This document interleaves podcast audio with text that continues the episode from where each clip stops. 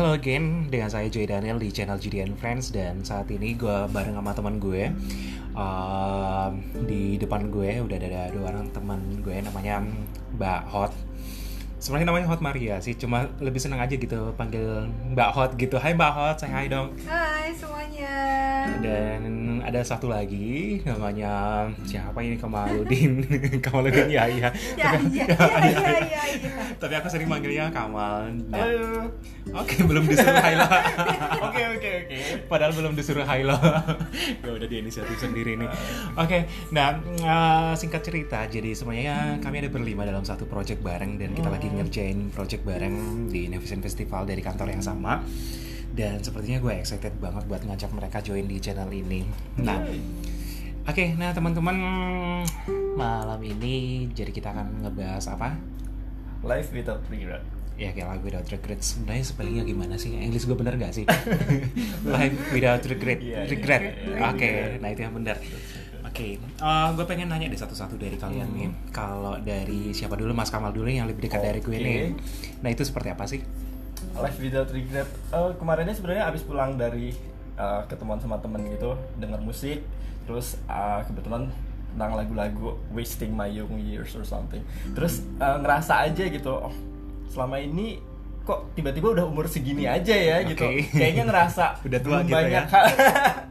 kayaknya ngerasa belum banyak hal aja kayak yang pingin dilakuin tiba-tiba udah banyak hal yang terlambat gitu udah umur segini dan lain-lain kayak Ah, Mas sih umurnya kamu? berapa? Emang udah 30-an ya atau berapa? 26 sih. Oh masih dua oke. Dia lebih muda dari kita deh kayaknya. Oke, nah kalau di persepsinya Mbak Hotma sebenarnya Life Without Regret itu kalau menurut kami itu kayak gimana Mbak? Eh, kalau dari aku sih eh, kita tuh jalani hidup eh, nggak boleh ada kata penyesalan. Kita mensyukuri apa yang kita punya. Jadi kita eh, jalan ke depannya tuh lebih lebih bahagia. Oh gitu ya. Hmm. Jadi nggak nyesal gitu sama hidupnya. Ya, ya, Nah, ya, ya. kalau aku sendiri yang ini aku nggak ditanya sih kayaknya aku harus nanya Ya, sendiri. udah, oke. Gimana Joy? Apakah ada yang kamu sesali umur segini? gitu kan? enggak, enggak aku bangga sama hidupku sendiri. Oh, kalau ditanya nice. pengen lahir kembali aku bakal tetap jadi diri sendiri Oh, kok. oke. Iya, iya, iya. kalau di persis saya life without regret itu adalah emang sih dasarnya setiap manusia itu bakal ngelakuin salah ya. Just pairnya adalah dari setiap kesalahan itu kita belajar untuk jauh lebih baik lagi gitu. Jadi kayak menurut saya itu apa yang terjadi itu ya kalau nyesal sih iya ya sebagai manusia biasa. Cuma ada beberapa hal juga yang bakal jadi pembelajaran buat kita ke depannya gitu. Dan Hmm. promise to yourself kalau kita bakalan getting better day after day dan kita tuh ngerasa kayak nggak nyesal-nyesal banget gitu hidup di hidup kita Iya yang sih, sekarang. ya. kita nikmatin masa muda kita orang sering bilang kan kalau masa muda itu nggak bisa diulang lagi. Hmm. nah di umur umur kita yang sekarang kebetulan ini belum ada yang kepala tiga kok. Jadi nggak ada kata telat buat memperbaiki sesuatu. Nah seperti yang ada di channel GDN Friends ini di channel ini sebenarnya tujuannya adalah ini nggak ada yang ngajarin ya tapi kita sama-sama belajar kita saling improve satu sama lain Hmm. Nah oke, nah teman-teman kita bakal mulai di channel GDN Friends dan materi ini adalah Life Without Regret atau kita hidup tanpa ada nyesalin sesuatu. Iya. Nah aku bakalan banyak sharing nih sama teman-teman yang ada di depanku sekarang. Nah Mas Kamal, eh, kalau misalnya kita flashback ke belakang, kamu ada Mhm. sesuatu nggak sih kalau di masa lalu yang menurut kamu itu kayak aku nggak boleh ngelakuin itu gitu? Kayaknya itu salah banget gitu. Eh, sebenarnya kebalikannya sih kayak aduh aku nyesel ya kok nggak ngelakuin itu gitu dibandingkan ngelakuin sesuatu tapi ternyata salah gitu dan kayaknya sepengamatan aku ya banyakkan orang itu lebih nyesel nggak melakukan sesuatu ketimbang nyesel melakukan sesuatu gitu. Jadi aku nyesel aja sih banyak melakukan kayak kenapa ya? Dulu nggak sering travel. Kenapa ya? Dulu nggak ngambil mungkin ikutan komunitas-komunitas yang aku suka. Kenapa ya nggak mulai belajar tentang leadership mungkin dari awal dan lain-lain. Banyak hal yang sebenarnya aku udah kepikiran itu tapi karena nggak ngelakuin itu ya jadi sekarang nyesel aja gitu. Oke, nah kalau dari sisi persepsinya Mbak Hotma gimana Mbak? Kalau dari aku sih aku mandangnya kayak kenapa sih dulu aku tuh nggak ngelakuin sesuatu Mm-mm. yang aku bener-bener sukai karena Mm-mm. kalau beberapa hal di eh, kehidupan aku eh, part of my life sebelumnya adalah ada beberapa hal yang aku kerjakan atau aku lakukan tuh ke- karena keterpaksaan Mm, mm. itu yang aku sekarang nggak mau lagi ngelakuin itu aku mau ngelakuin hal yang aku suka yang aku cintai karena dengan aku ngelakuin hal-hal yang aku sukai nggak akan ada kata menyesal karena sih I will do my best Yes. gitu kan jadi apa pun yang aku dapetin itu yang terbaik yang bisa aku lakukan Hmm. Tapi sebenarnya kalau saya boleh simpul ini dari teman-teman berdua ini, uh, setiap orang punya cerita ya, dan setiap orang punya jalan hidupnya sendiri. Dan emang sih itu semuanya terjadi secara dinamis gitu kan. Kayak ya emang sih apa yang udah terjadi itu kita udah nggak bisa ngulang lagi gitu. Kayak oke lah kalau emang kita nggak pengen itu terjadi di depan dan kita nggak pengen nyesalin ada hal-hal seperti itu di depan ya better ya sekarang jangan ngelakuin hal seperti itu. Aku pernah dengar baca buku sini teman-teman jadi bukunya itu tentang, tentang ini lagi-lagi ya dari Nick Fujisik gua nggak tahu kenapa gua uh, demen banget sama nih orang tapi bilang kayak gini kalau hidup kita yang sekarang itu adalah hasil dari atau produk dari hidup kita yang di masa lalu gitu jadi kalau misalnya tadi Mas Kamal sempat bilang kalau oke kayaknya kenapa sih aku nggak ngelakuin ini di masa Hmm. lalu kenapa sih kok jadi tuh kenapa kenapanya itu banyakkan balik ke masa lalu gitu Nah, iya. kalau pertanyaannya dibalik, kenapa sih aku nggak ngelakuin ini sekarang biar besok-besok aku nggak ada ngulang pertanyaan itu di hari yang Hmm. kemudian hari Iya. gitu. Nah, yang aku bisa nyimpulin dari bahwa adalah melakukan apa yang kita sukai. Nah, sebenarnya ini ada PR juga sih. Jadi kadang itu karena sebenarnya ada banyak hal sih teman-teman yang berpengaruh. Kadang adalah karena faktor lingkungan kita hidup di mana, kita tumbuh di mana, lingkungan kita mintanya seperti apa, dan kita terpaksa untuk nggak melakukan sesuatu yang kita nggak senengin. Yang paling contoh dekat aja adalah kadang adalah berhubungan sama kerja kita gitu. Passion ya kita ya kalau kerja itu nggak sesuai dengan passion, mungkin karena dasarnya ada hal yang lainnya, mungkin karena oke gue digaji banyak, oke kerjanya kayaknya keren gitu, tapi itu bukan passion lo. Hmm. Someday lo ngabisin waktu lama-lama di situ dan lo bakalan nyesel. Ini bukan hal yang gue senangin gitu. Nah, kalau emang kita sekarang udah ngerasa kalau itu bukan hal yang benar, jadi better don't do it. Kita memang harus ngambil decision gitu. Nah, Mas Kamal ada yang mau nambahin nggak?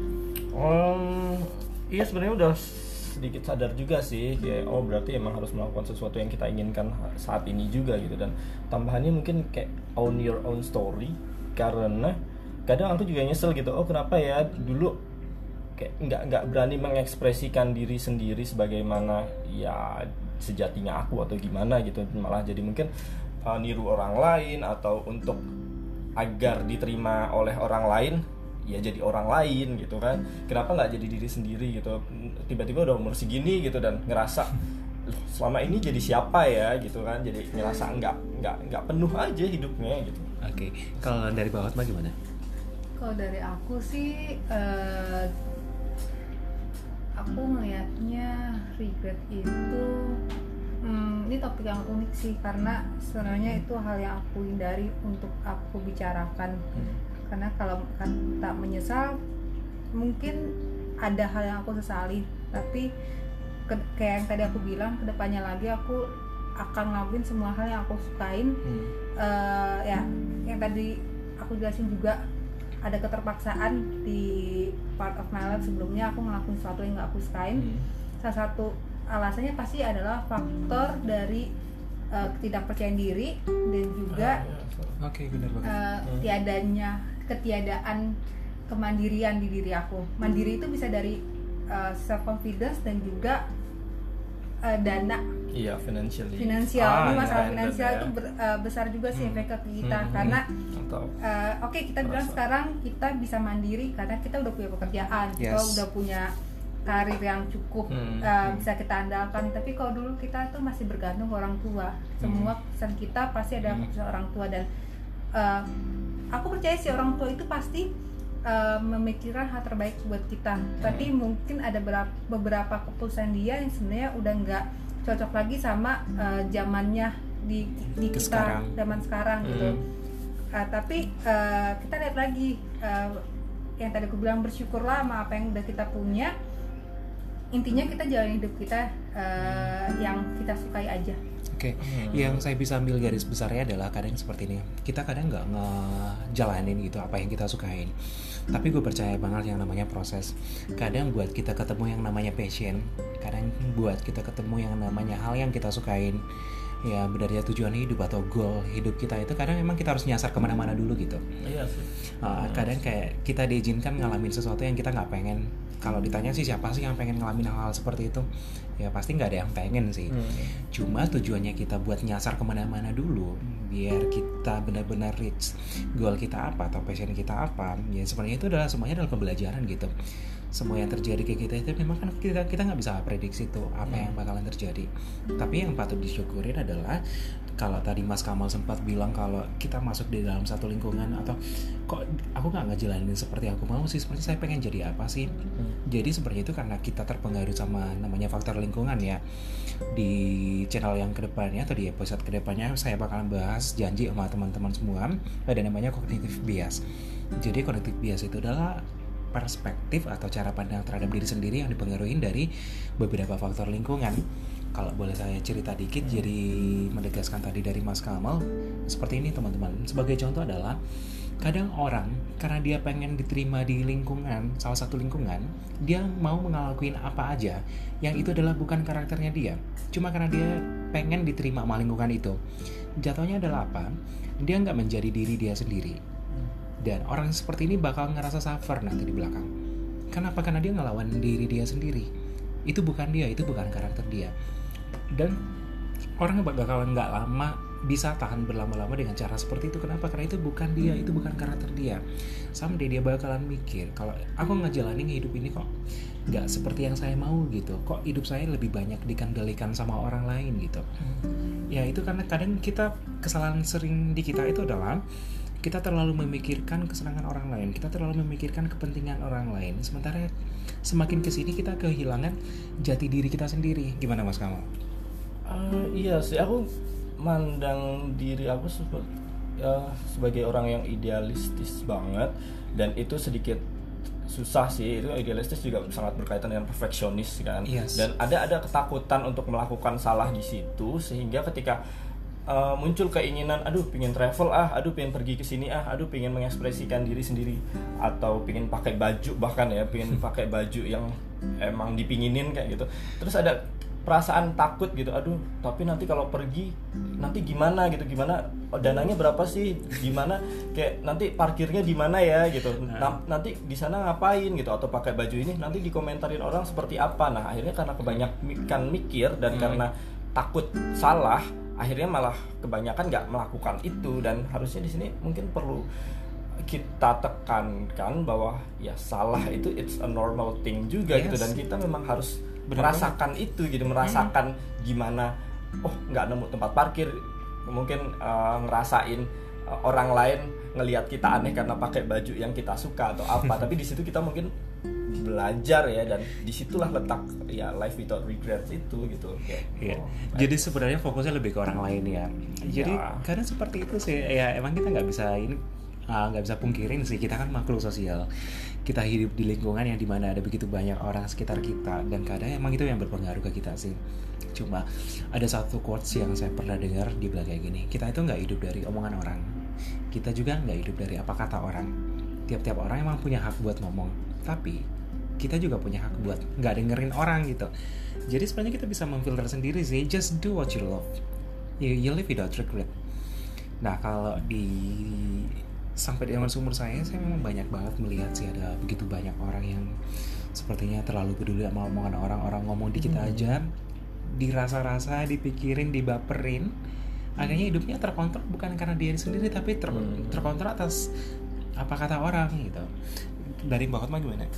Kalau dari aku sih eh, kita coba ubah sudut pandang kita terhadap Mhm. apa yang eh, kita belum lakukan atau yang eh, kesalahan yang pernah kita lakukan dulu sebagai suatu hal yang nggak perlu kita sesali, tapi anggap itu sebagai suatu pengalaman Hmm, hidup. iya. Jadi kalau yang tadi Kama bilang dia takut untuk melakukan itu, sekarang dia udah tahu uh, dengan ketakutan dia ternyata tuh nggak ada nggak ada untungnya buat dia. Iya, Dia akan sekarang Iya. bisa lihat itu uh, pada saat dia ada ada di pilihan yang sama, kondisi yang sama, Mhm. dia akan bisa mencoba uh, hal yang la- hal yang sebelumnya nggak Ya, dia coba.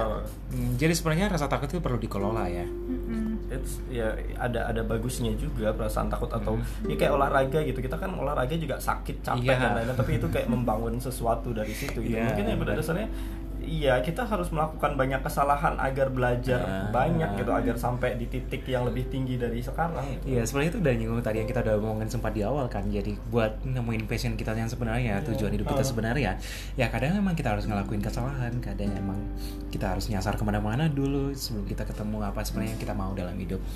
Tapi PR-nya adalah ya kalau kamu tahu itu adalah salah ya jangan diulang gitu. Iya. Dan biarkan itu menjadi pembelajaran. Dan sebenarnya menjadi orang yang kurang lebih saya seperti sepertinya hampir sama sih samanya Mas ya Kamal. Kalau dia bilang dia idealisme, mungkin saya ganti. Kalau saya bilangnya mungkin saya adalah perfeksionis ya. Tapi sebenarnya itu adalah hal yang sama dengan dibungkus dengan kata-kata yang berbeda aja gitu istilahnya. Tapi sebenarnya menjadi pribadi yang seperti itu benar-benar memang sih ada sisi baik atau enggaknya. Cuma menjadi seorang profesionalis itu benar-benar nyiksa kalau menurut saya. Soalnya tipe-tipe salah satu keperbedaan ini adalah orang yang nggak bisa ketemu sesuatu yang banyak nggak sempurnanya gitu. Atau tipe orang yang nggak bisa ketemu sesuatu yang masih banyak. Intinya orang mikir lah gitu. Nah kalau di saya sendiri sih kayak dalam hal simpel aja itu kayak ngebaca sesuatu itu kita lebih dominan nyari salahnya gitu dibanding mempelajari apa isi dari apa yang saya baca gitu. Dan itu kan fokus kita adalah ke hal-hal yang sempurna seperti itu. Coba bayangin kalau kita bawa itu ke hidup kita sehari-hari. Bayangin mau tidur aja mau makan ini apa aja itu benar-benar harus didetailin diliatin satu-satu. Itu adalah hal yang nyiksa banget sih. Nah teman-teman aku pengen nanya deh satu persatu dari kalian. Eh, life without regret sebenarnya kalau di cara mungkin cara orang masing-masing menjalaninya itu udah beda-beda ya nah aku pengen denger nih dari kalian. Sebenarnya kalau uh, kita udah fokusin ke life without regret itu sebenarnya apa sih yang harus kita lakuin? Dari siapa dulu nih? Dari mbaknya dulu deh mbak Hotma kayaknya udah mulai ngantuk nih. Kayak enggak sih gak ngantuk coba fokus aja. Oke. Coba memahami per- pertanyaan-pertanyaan dari Iya. Joy. jadi kalau dari eh, pertanyaan Joy tadi aku sih mencoba yang tadi aku udah jelasin lagi. Aku coba berusaha memilih keputusan mana yang aku ambil itu berdasarkan eh, isi hati aku mana yang aku Hmm. sukai. Eh, karena dari saat eh, kamu milih suatu hal yang emang udah kamu sukai pasti kamu lak- melakukannya dengan sungguh-sungguh banget. Mm-mm. bahkan apa pun terjadi di dalam proses itu kamu akan melihat itu sebagai suatu pengalaman yang menyenangkan. Tapi kalau kamu di awal aja udah eh, kayak "Eh, gimana ya? gitu kan Eh, yaudah deh eh, keter- karena keterpaksaan setiap tantangan yang akan kamu hadapi nantinya kamu akan semakin merasa itu ter- makin semakin merasa terpuruk kayak gitu Hmm. jadi saat ini aku mencoba berusaha uh, melakukan apa yang aku sukai aku nggak bisa bilang setiap hal yang aku lakukan sekarang semua adalah hal yang aku sukai karena semua itu butuh proses yes Uh, yang Benar tadi aku banget. bilang kita butuh kemandirian butuh rasa percaya diri Hmm. dan itu proses belajar seumur hidup. Iya benar banget. Kayak gitu. Hmm, nah kalau dari Mas Kamal gimana? Hmm, aku pernah ngobrol sama psikolog gitu kan dan eh, saat itu lagi bilang sih aduh eh, kok kayaknya weekend itu selalu kosong ya gitu. Oh. kenapa ya? gitu. Ah, maksudnya kosong kayak kok nggak jadi nggak ngapa-ngapain ya? gitu. Terus Oke. ditanyain kan oh ya kenapa gitu saya gitu iya soalnya kadang ada sih kepinginan pokoknya ah lari di taman dan lain-lain gitu tapi terus tiba-tiba mikir "Eh, tapi kok kayaknya udah rada sore ya kalau udah sampai sana kayaknya udah gelap deh jadi nggak jadi Jadi nggak Nah, jadi. Iya, nah kata si psikolog itu gitu. Ketika kamu memikirkan suatu keinginan gitu, ada rencana lah gitu, Hmm. lakukan itu dalam lima menit. Karena setelah lima menit, energinya langsung drop Berubah. dan dan jadi jadi kayak mikir-mikir kebanyakan mikir Oke. akhirnya nggak ngelakuin itu gitu katanya lima menit pokoknya sebelum lima menit selesai langsung ngelakuin itu gitu dan mungkin Dalam lima eh, menit ya, Mas, iya, ya? dan dan satu lagi mungkin aku pelajari di situ bahwa ya memahami aja sih bahwa ya kesalahan itu adalah hal yang sehat gitu jadi Hmm. kita jangan menghindari kesalahan tapi mungkin ya emang belajar dari kesalahan itu jadi meskipun tahu salah itu ngelakuin aja nggak apa-apa Eh enggak sih, tapi kan kita kita udah nyoba melakukan sesuatu dan kita kita kan baru tahu salah atau enggaknya setelah, Setelah, melakukan itu ya. kan. Jadi ya gimana kita bisa tahu itu salah atau enggak ketika belum melakukan itu kan. Tapi sebenarnya tadi saya lebih excited yang namanya kalau misalnya kalau lagi pengen ngelakuin sesuatu, Uh. Make a decision within 5 minutes. Iya. Lo harus ngelakuin sesuatu dalam waktu 5 menit. Kayaknya ini Uh. kayak nampar saya bolak-balik deh kayaknya. gitu. Saya kadang kayak gini nih, saya nih aktif banget di olahraga. Jadi kadang kalau buat nge-gym itu saya biasanya dalam seminggu itu eh, kalau dulu sih hampir empat kali ya dalam seminggu. Cuma kalau kadang di gua nggak tahu juga sih ini weekend kayak bener-bener kayak apa ya gitu. Kayak pengen hari malas sedunia atau apa gitu. Jadi kadang kalau lagi lagi pengen olahraga nih udah gitu udah apalagi kalau udah main handphone udah nonton Netflix nonton TV gitu. Udah lagi pengen nge-gym sebenarnya. Udah ganti baju udah pakai baju gym udah bawa tas udah bawa botol minum taruh di kaki tuh terus tiduran di sofa. Pengen nge-gym nggak tahu loh itu udah mainan IG baca artikel itu udah sejam loh tiba-tiba udah jam lim- udah jam 5 sore gitu. Hasrat nge-gymnya itu udah nggak ada gitu Iya. tiba-tiba udah nyari makan ke mana-mana udah nongkrong ke mana-mana ganti baju. Dan itu terjadi berkali-kali. Ini nggak cuma masalah olahraga jadi kayaknya juga saya harus kata-katanya itu kayak saya ambil deh kayaknya. If you want to make something just make decision within 5 minutes. Yeah I will do it starting from now. Gitu. Nah itu udah kalau dari teman-teman ya dari Mbak Hotma dan Mas Kamal dan sebenarnya nggak berasa ini. Udah 20 menit nih kita recording. Tadi kan rencananya cuma pengen 15 menit ya. Dan thank you buat teman-teman yang di menit ke 20 lewat 48 detik ini. Kalian masih pengen dengerin. Tapi bukan berarti gue udah selesai ya. Masih ada masih ada lanjutannya nih teman-teman. Disabar-sabarin dikit ya. Semoga kalian nggak ngantuk ya dengernya ya. Nah oke. Eh, sebenarnya ini adalah pertanyaan terakhir buat eh, teman-teman semua. Dan kebetulan buat ngumpulin kalian ini kan eh, semuanya agak orang-orang sibuk semua ya orang-orang sukses semua nih kayaknya.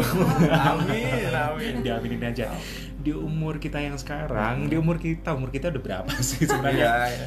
Kalian pernah ngerasa nggak sih kalau misalnya kok orang lain di umur segitu dia udah udah sejauh itu ya Iya. sementara di umur saya yang sekarang kok gini-gini aja gitu masih kerja sama orang masih ke mana-mana masih pakai gojek gitu itu kan naik gojek pas Aduh, ngejar iya. voucher doang yang ketawa biasanya ada dua kalau nggak pelaku ya korban nah Aduh. aku pengen nanya sama mbak hotmanya dulu nih gimana mbak? Oh dia nggak ngerti. Lu nanyain kamu tuh gimana? Dia nggak ngerti pertanyaannya apa. Nah aku pengen nanya nih mbak. Kalau jangan sampai aku lupa nih pertanyaan apa.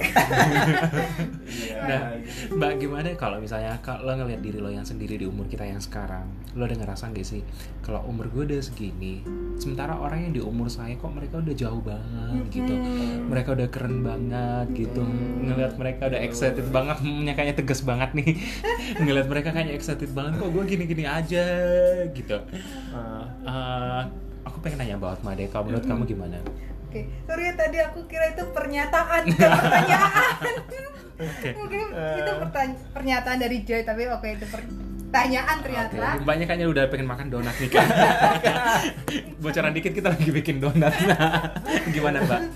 Oh, kalau dari aku, jujur aku tuh pernah pernah banget karena eh, orang terdekat aku itu kakak aku itu karirnya udah jauh di atas aku. Hmm, Oke. Bocoran dikit dia gajinya tiga kali lipat daripada aku. Oh Mbak. wow Pada umurnya itu bedanya cuma setahun kurang lima hari. wow Kayaknya mbaknya bentar lagi nggak sengaja nih nyebutin nominal aja berapa. iya itu rahasia guys.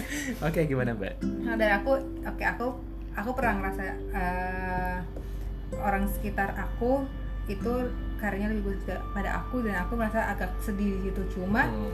Pada saat aku ungkapin kesedihan aku ke orang itu, dia baik lagi bilang ke aku eh, bersyukurlah dengan apa yang kamu punya karena eh, kamu nggak tahu eh, kondisi kamu sekarang dan nanti itu apakah akan tetap sama atau enggak. Yes. Dengan kamu mensyukuri Benar. apa yang kamu punya, Yes. yakinlah Hmm. masa depan kamu akan gemilang. Hmm. Hmm. Kalau kamu milih untuk tetap bersedih, masih memandangi orang yang di atas kamu, masih merasa menyesal dengan apa yang kamu punya, hidup kamu ke depannya pasti akan lebih suram. Iya, iya. Hmm. Tapi kalau dengan kamu bersyukur ataupun kamu bisa melihat kesuksesan kesuksesan orang lain Hmm. sebagai eh, pelajaran buat kamu, Hmm. eh, yakinlah bahwa kesuksesan orang itu juga akan timbul dalam diri kamu. Hmm. Oke, Iya, jadi iya. kuncinya adalah bersyukur ya Mbak ya. Hmm. Yap. Oke, syukurin apa yang ada. Bersyukur. oh gitu. Oh bukan syukurin apa yang ada. Oke, Syukurin. kita berterima kasih Oh, ya. oke. Apa pun yang terjadi dalam hidup kita itu dari semua proses ya. Iya, iya, Oke, nah dari Mas Kamal gimana nih? Aduh, ya kalau ngelihat orang lain, aduh, jatuh banget juga sih. Soalnya iya terus terang, aku juga kan kuliah itu telat 2 tahun kan, karena karena sempet, aja, Mas? karena sempat pindah jurusan gitu. Oke. Jadi dua tahun ketika ngelihat orang lain kesuksesannya segitu kayak ngerasa, aduh, kok ya eh, tapi kan itu nggak bisa diubah juga ya yang udah Yes. terjadi ya terjadi gitu Iya. tapi lebih life without regret itu kalau menurut aku ya berusaha semaksimal kita sih jadi ya pertanyaannya adalah apakah kita udah berusaha apakah kita udah memberikan maksimal usaha kita gitu untuk kehidupan ini gitu sehingga ya nggak bakalan ada perasaan nyesel itu. Karena kalau kita melakukan sesuatu dengan setengah-setengah ya pasti jatuhnya bakalan nyesel. Tapi kalau kita udah maksimal dan ternyata orang lain uh, ya ada di atas atau gimana paling nggak kita udah ngerasa ya suatu saat kita bakalan ada di posisi itu karena kita toh memberikan hal yang maksimal di hidup Oke, ini gitu. jadi kalau dari Mas Kamal nantinya adalah maksimal. Yap. Nah, teman-teman pembelajaran banget nih buat kita nih. Nah, kita udah sempat sharing-sharing. Jadi life without regret kalau dari persepsinya bahwa Ma itu adalah kita berterima kasih atas apa pun yang terjadi dengan hidup kita. Kita bersyukur apa pun yang Tuhan udah ngasih ke kita. Sementara kalau dari Kamal, Mas Kamalnya bilang adalah kita maksimalkan potensi yang kita punya. Nah, kalau dari saya sendiri sih seperti ini teman-teman. Aku pengen cerita dikit. Nah, life without regret itu adalah dasarnya bukan berdasarkan orang lain jadi parameternya itu bukan berdasarkan apa yang orang udah nggak sampai di mana dan kita sampai di mana gitu pada saat kita dengan cara seperti itu sebenarnya kita nggak sadar kalau kita udah ngebunuh diri kita sendiri. Tiap-tiap orang punya ceritanya sendiri. Saya selalu tekankan seperti itu. Tiap-tiap orang punya parameternya sendiri dan kesuksesan itu nggak bisa diukur berdasarkan orang lain gitu. Karena porsi hidup kita beda-beda gitu teman-teman. Nah teman-teman kalau aku boleh nge-sharing dikit. Jadi pada saat kita memandang orang lain mungkin mereka dengan caranya seperti itu kesusahan mereka seperti itu terus apakah kita akan memandang rendah diri kita sendiri bahwa wah saya di umur sekian kok masih gini sementara dia masih gitu aja? Nah kesuksesan itu bukan di dengan cara seperti itu sih kalau menurut saya sih. Ya kadang kita nggak boleh ngebandingin diri kita dengan orang lain gitu. Menurut saya itu kayak nggak adil banget gitu. Hmm. itu sama aja kayak kita nginjak-nginjak diri kita sendiri. Nah kalau bukan lo yang ngehargain diri lo sendiri siapa yang bakal ngehargain diri lo? Nah menurut saya itu adalah kesuksesan itu nggak cuma materi nggak cuma apa yang dilihat oleh mata. Nggak cuma dia punya mobil punya rumah punya jabatan punya hal seperti itu. Teman yang baik kesehatan keluarga itu juga adalah semuanya kesuksesan yang perlu disyukuri juga. Nah seperti itu teman-teman. Nah eh, nggak berasa kita udah 27 menit. Nah saya pengen tanya dari teman-teman nih eh, pesan-pesan nih buat teman-teman yang channel Julian Fresh yang lagi dengerin ada nggak sih eh, pesan-pesan kalian buat teman-teman yang lagi dengerin di luar sana? Dari siapa nih? Oke dari siapa? dari? Oh, ya, dari aku dulu ya Oke.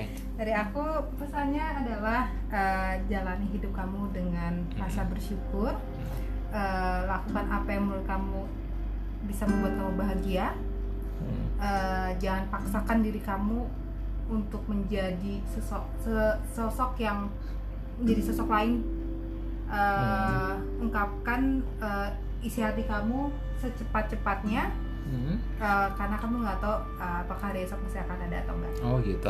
Maksudnya pendek gitu Iya, iya, ya. iya. Kok agak serem ya gitu ya.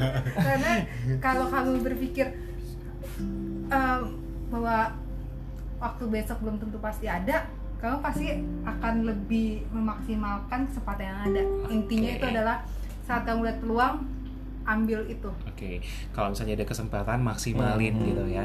Apa yang kita lakuin sekarang, apa yang kita jalanin, hidup lo maksimalin. Iya. Intinya kayak gitu ya Mbak ya. maksimalin hidup lo banget deh Oke, Lo biar lo nggak nyesal nih. punya Iya, iya, punya iya. mindset besok belum tentu datang Oke bener banget. Jadi Hmm. anggap aja kalau ah, hidup hari ini adalah hari terakhir lo gitu ya Mbak ya. Iya, Jadi the lo best. bakalan ngelakuin the best ya dari coba deh kalau kalau lo berpikir gue harus lakuin ini sekarang gue belum tentu besok eh, bukannya untuk bikin kita takut ya tapi untuk Hmm. bisa gimana meng mempush diri kita untuk berani mengungkapkan dan berani melakukan Oke Iya. deh. Nah kalau dari Mas Kamal nih. Uh, kalau aku mau ngutip kayak quotes yang nggak tahu punya siapa ya tapi bagus banget sih kemarin yang ngena banget di hidup aku jadi quotesnya gini be afraid and do it anyway jadi kayak eh, yang aja karena selama ini kita mungkin takut melakukan sesuatu banyak hal ketakutan. Bahkan kadang kita posting sesuatu kan aduh dihujat nih atau Netizen ya. iya gitu kan tapi ya udah be afraid and just do it anyway gitu. Karena kita bakalan belajar banyak hal dari Gitu. dari apa itu kan Oke, nah kalau terakhir dari saya sih ah, sebenarnya eh, saya nggak sebagus mereka mereka ini. Kalau dari saya adalah life without regret itu adalah lo ngejalanin apa yang ada sekarang, syukuri apa yang ada, belajar berterima kasih, cintai hidup lo sendiri. Jadilah dirimu sendiri, nggak usah ngelihat orang lain, nggak usah mengcopy paste orang lain, hidup diri sendiri. Nah, jadi caranya adalah jadilah nyaman sama diri kamu sendiri biar orang lain juga nyaman sama kamu kayak gitu ya teman-teman. Nah thank you banget nih waktunya teman-teman buat sharing di channel JD Friends. Dan gue berharap di waktu yang akan datang kita masih bisa ketemu lagi ya. Nah, ya. Ah, dan maafin ya kalau misalnya ada kurang-kurang dari channel GDN Friends ini. Kami janji bakalan jauh lebih banyak belajar dan kami akan balik menyapa teman-teman lagi dengan cara yang lebih baik dengan konten yang lebih baik juga sih teman-teman Ah, kayak gitu teman-teman thank you Bye. Bye. Thank you. So, uh, teman-teman, terima kasih buat waktunya. Masih ada di channel JDN Friends, tetap support dan kalau misalnya masih ada pertanyaan yang belum terjawab, kalian bisa lihat di profile. Di situ ada alamat email saya, juga ada Instagram dan lain-lain. Kalau kalian pengen kepoin, tapi sebenarnya nggak ada banyak yang dikepoin sih. Soalnya saya jarang main sosial media. Uh, sampai jumpa di episode berikutnya. Hmm. Have a nice day. Bye bye. Bye. Nice day.